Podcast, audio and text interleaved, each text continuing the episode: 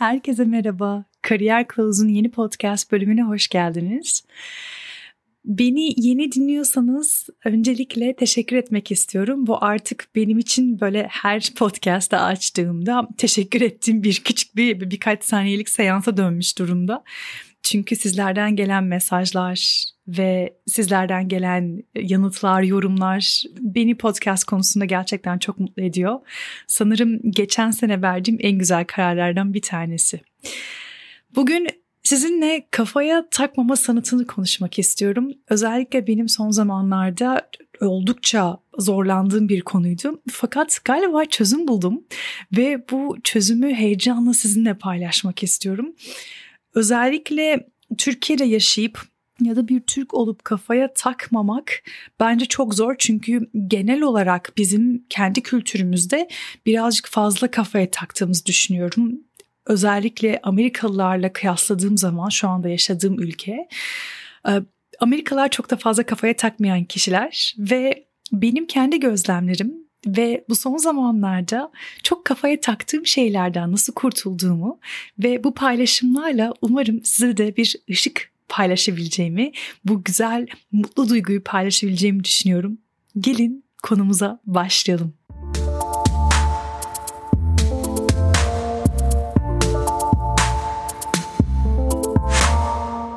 Sizi şimdi birazcık çok geriye götüreceğim benimle birlikte ve bu kafaya takma durumlarının ne zaman başladığını anlatırken belki kendinizden birer parça bulabilirsiniz. Benim annem çok katı bir anneydi. Gerçekten çok disiplinli ve bütün hayatındaki sanırım yani proje olarak gördüğü en büyük değerli çocuklardan bir tanesi bendim onun hayatında ve onun için bir şey denememek, denemeden ben bunu yapamam demek böyle bir yol yoktu onun için.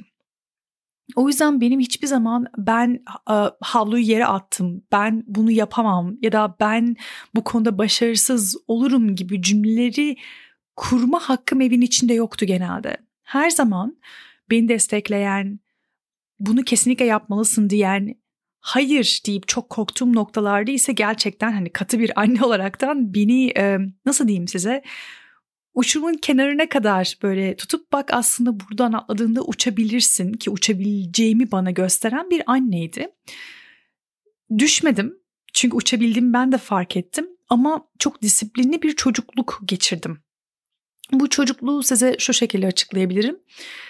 Çok küçük yaşlarda annem fark etti ki ben burslar kazanaraktan özel okullarda okuyabiliyorum. Ve onun en büyük korkusu özel bir okula giderken orada onun deyimiyle tırnak içinde kötü arkadaş edinmem. Herhangi bir şekilde potansiyel olarak madde kullanma durumu olabilir, sigara du- kullanma durumu olabilir ya da derslerden çok aklın başka şeylere çalışması olabilir. Onun en çok korktuğu şeyler de bunlar. Dolayısıyla annemin bulduğu çözüm beni spora yazdırmaktı. Bu spor yüzme oldu onun için ve ben inanılmaz derecede sudan çok korkan, havuza böyle parmağını değdiremeyen bir e, kısa bir çocukluk dönemi geçirdim. Yaklaşık 2-3 yaşındayken çok iyi hatırlıyorum o büyük korkularımı.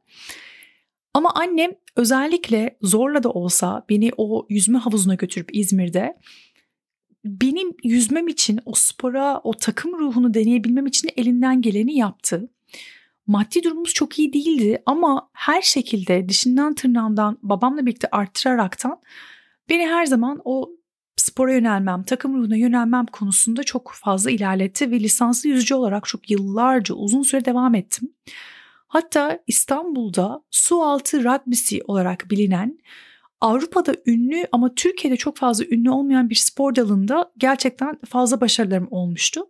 Ve bu spor sistemi sayesinde de ciddi anlamda disiplin kazanmak ve aynı zamanda sağlıklı yaşamak ve hiçbir zaman hayatım boyunca sigara içmemek, hiçbir zaman hayatım boyunca kötü, tırnak içinde kötü olarak e, düşünebileceğimiz, bağımlı olabilecek hiçbir şey kullanmamış oldum. Bu tabii dersime de çok fazla yansıdı. Spordaki başarı, o takım ruhu denemek ve hiçbir zaman vazgeçmemek bu şekilde ilerledi. Ben Bilkent Üniversitesi'ni kazanmayı aslında o ruhtan birazcık geldiğini düşünüyorum. Her zaman denemek, çok disiplinli bir şekilde önüne gelen neyse ders olabilir, spor olabilir, ciddi bir şekilde çalışmak sayesinde Bilkent'e burslu e, devam ettim ve o şekilde mezun oldum. Fakat bu kafaya takmama sanatı üniversite zamanında çok fazla belirmeye başladı. Şöyle ki üniversiteye girdiğim zaman tabii ki de hiç kimseyi tanımıyordum. İzmir'den gelmiş, Ankara'da hiçbir tanıdığı olmayan, daha önce Ankara'nın ağasına bile gitmemiş olan bir çocuktum. Ve tabii ki de arkadaş bulmak konusunda çok inanılmaz sorunlar yaşamadım. Çünkü sporla uğraşan biri olduğunuz zaman takım ruhuyla işler yapıldığı zaman çocukluktan beri zaten etrafınızda çok fazla insan olduğu zaman hiçbirlerini tanımadığınız bir yere girdiğiniz zaman çok bir sorun yaşamıyorsunuz bence sporcu biri olarak. Fakat spor alanında şöyle bir durum var. Sizi aslında çok fazla eleştiren insanlar olmuyor.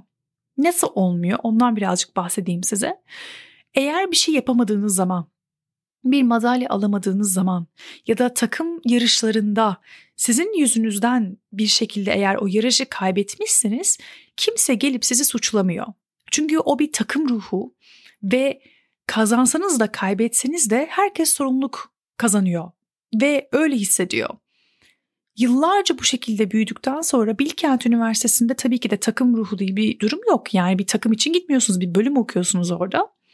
Size bir anımı anlatacağım ve bu kafaya takma durumunun ne zaman gerçekten doğduğunu ve ne zaman kurtulduğumdan bahsedeceğim ve bu kurtulma aşamasında umarım size de bir ışık paylaşmış ve ışık vermiş olurum. Şimdi anımı paylaşacağım sizinle dediğim gibi. Bilkent Üniversitesi'nde G binası diye işte edebiyat fakültesinin olduğu fakültenin içinde dersteyiz. Bütün dersler İngilizce. Çok sorun yaşamıyorum. Zaten dil çıkışlı olduğum için çok inanılmaz severek girmiştim o bölüme. Çok çok çok severek okudum. Gerçekten her bölümü, her günü, her dakikasını, her haftasını çok keyifle geçirdiğim bir üniversiteydi ve bir bölümdü. Bir gün derste benim en yakış en yakın arkadaşım hani tırnak içinde söyleyeceğim. En yakın arkadaşım kendisi de İzmirli. Dersteyiz ve hoca bir soru sordu. Ben çok büyük bir hevesle elimi kaldırıp söz hakkı isteyip soruya cevap verdim. Ve hoca ben bu soruyu yanıtladığımda bana dönüp şöyle dedi. Cevap doğru değil ama bakış açını çok beğendim dedi ve derse devam etti.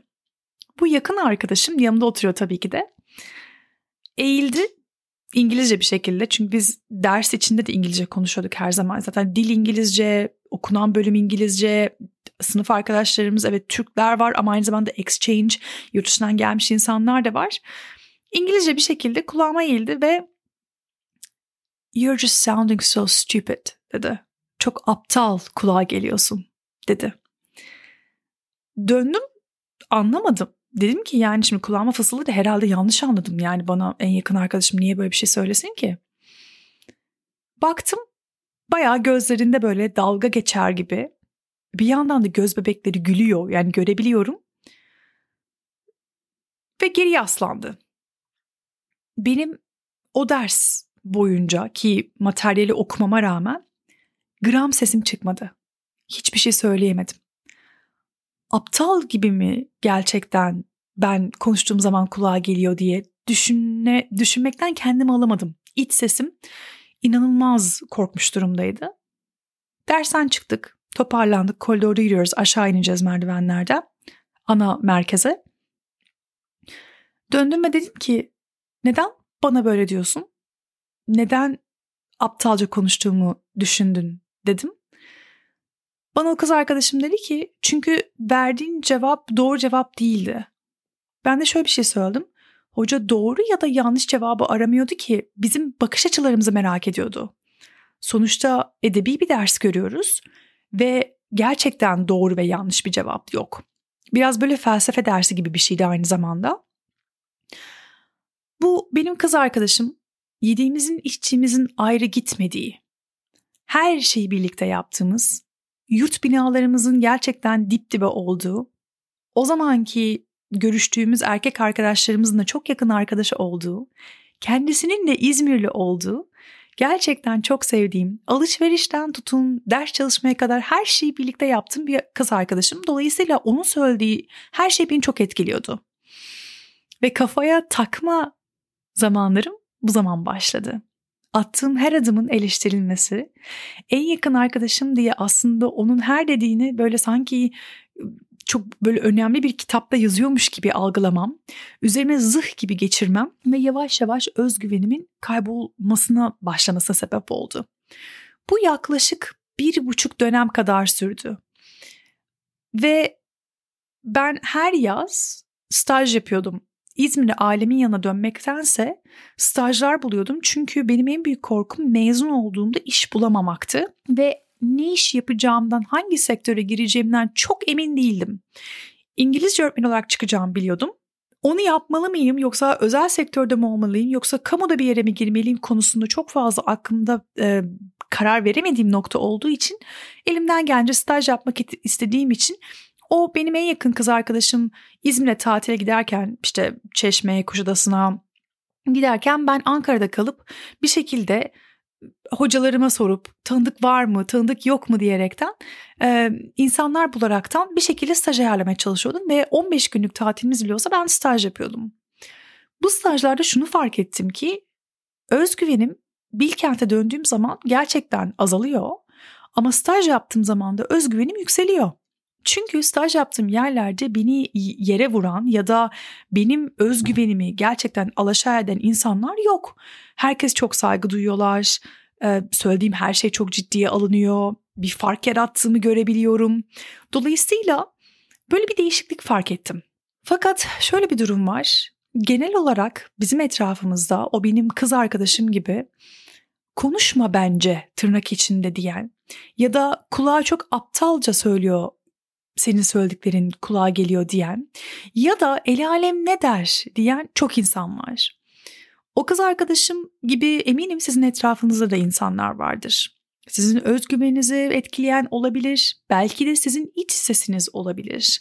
Bunu neden yapıyorsun ki diyen, ah bak bunu yaptın eleştirileceksin diyen, ah el alem ne der diyen bir iç ses ya da komşular ya da anne, baba ya da sizin en yakın arkadaşım dediğiniz insanlar. Ben mutluluğun çözülebilecek bir problem olmadığını, problemler çözüldükçe ortaya çıkan bir duygu olduğunu düşünüyorum. Ve endişelerimi bu yaşta artık seçiyorum. Şöyle ki, eğer gerçeğe dayanıyorsa duyduğum bu benim değerlerimin içinde gerçeği söylemek. Eğer gerçeğe dayanan bir şeyi karşı taraftan duyuyorsam o zaman durup düşünüyorum ama zırh gibi üstüme giymiyorum. Yaptığım her şeyin sosyal olarak değerli olmasına önem gösteriyorum. İnsanlara dokunması sadece ben, benim için değil, diğer insanlar için de önemli olması için çaba sarf ediyorum. Ve anında harekete geçip benim kendimin kontrol edebileceği hareketler bazında ilerliyorum. Bunlar eğitim olabilir, iş olabilir, ilişkiler olabilir. Şimdi size başka bir örnek vereceğim. Geçenlerde erkek arkadaşımla aynı evde yaşamıyorum ben. Ben kendim tek başıma yaşıyorum ve erkek arkadaşım e, sabah kahvaltı için geleceğinden bahsetmişti. Ve bana söylediği saatten erken geldi. Beni tanıyanlar biliyordur, tanımayanlar için söyleyeyim beni eğer ilk defa bu podcast'ı dinliyorsanız. Benim iki kedim, iki köpeğim var. Dolayısıyla evim biraz hayvanat bahçesi gibi. Ve eve biri geldiği zaman ben daha duymadan bu evdeki çocuklar, bu iki kedi, köpek hemen harekete geçiyorlar. Neyse kapıya doğru ilerledim. Kapıyı açtım ve yüzümde hiç makyaj yoktu. Aslında biraz tedirgindim makyaj olmadığı için kapıyı açacağımdan. Çünkü ne zaman erkek arkadaşım gelse elimden geldiğince böyle biraz güzel görünmek istiyorum. Kendimi daha iyi hissetmek istiyorum. Dolayısıyla kapıyı açtığımda hemen yüzümü çevirdim. hemen gidip geleceğim dedim. Dedi ki nereye gidiyorsun? Dedim makyajım yok hemen bir makyaj yapayım yani erken geldin. O da kolumdan tutup bana baktı ve şey dedi. Makyajsız da çok güzelsin. Dedi bir gülümsedi. Ve biliyorum bunun doğru olduğunu. Çünkü benim iç sesim de zaten bunun doğru olduğunu biliyor. Yani gerçeğe dayanır bir içerik bana söylediği. Ama ondan bunu duymak. O saniyede böyle sanki böyle geçmişe böyle kısaca bir gittim geldim. Bazı insanlar var hayatımızda makyaj yap diyen ya da şu şekilde giyin diyen. Bu biraz iç sesimizi de çok fazla etkileyen ve bazı insanlardan bazı şeyleri duyduğumuz zaman bizi olumsuz olarak etkileyip o iç sesimizi besleyen ya da böyle çok basit anlarda sizin çok değer verdiğiniz birinin size söylediği çok basit bir şey. Siz kendiniz zırh olarak onu giyebilirsiniz. Kabul edebilirsiniz. Ya da hmm, aslında söylediğin doğru değil. Ben hemen gidip bir makyaj yapayım da diyebilirsiniz. Neyi duymak istediğiniz, neyi benliğinize almak istediğinize bağlı. Ben hayatımdan beni eleştiren, beni yeren, konuşma bence diyen, aptalca kulağa geliyor diyen, hayatımdaki sosyal olarak aslında etik yaşamayan ama etrafı çok fazla eleştiren insanları hayatımdan teker teker çıkarttım. Kafaya takmama sanatı bence biraz da buradan geliyor. Kimin ne söylediği, size ne anlatmak istediği, kendi özgüvenlerindeki sorunları size mi yansıtmak istiyorlar?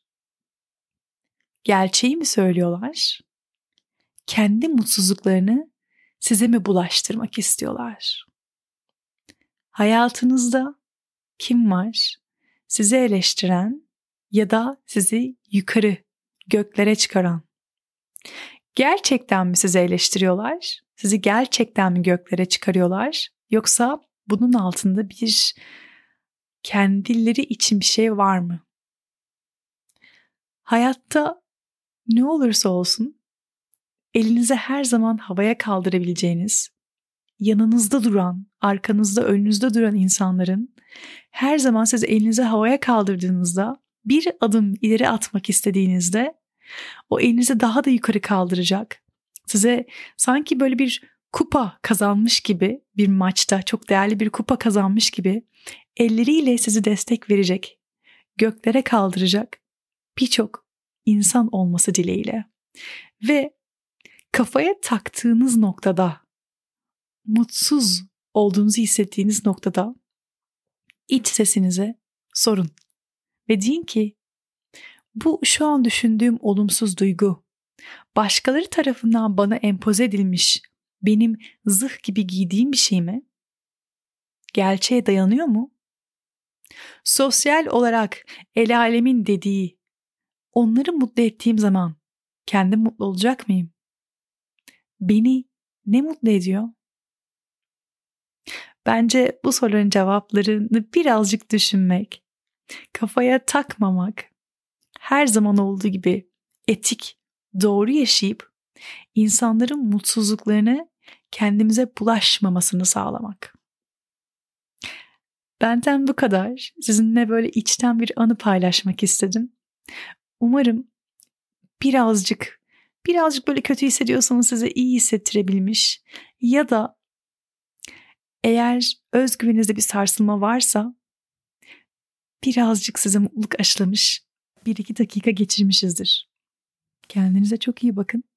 Haftaya yeni bir bölümde görüşmek üzere.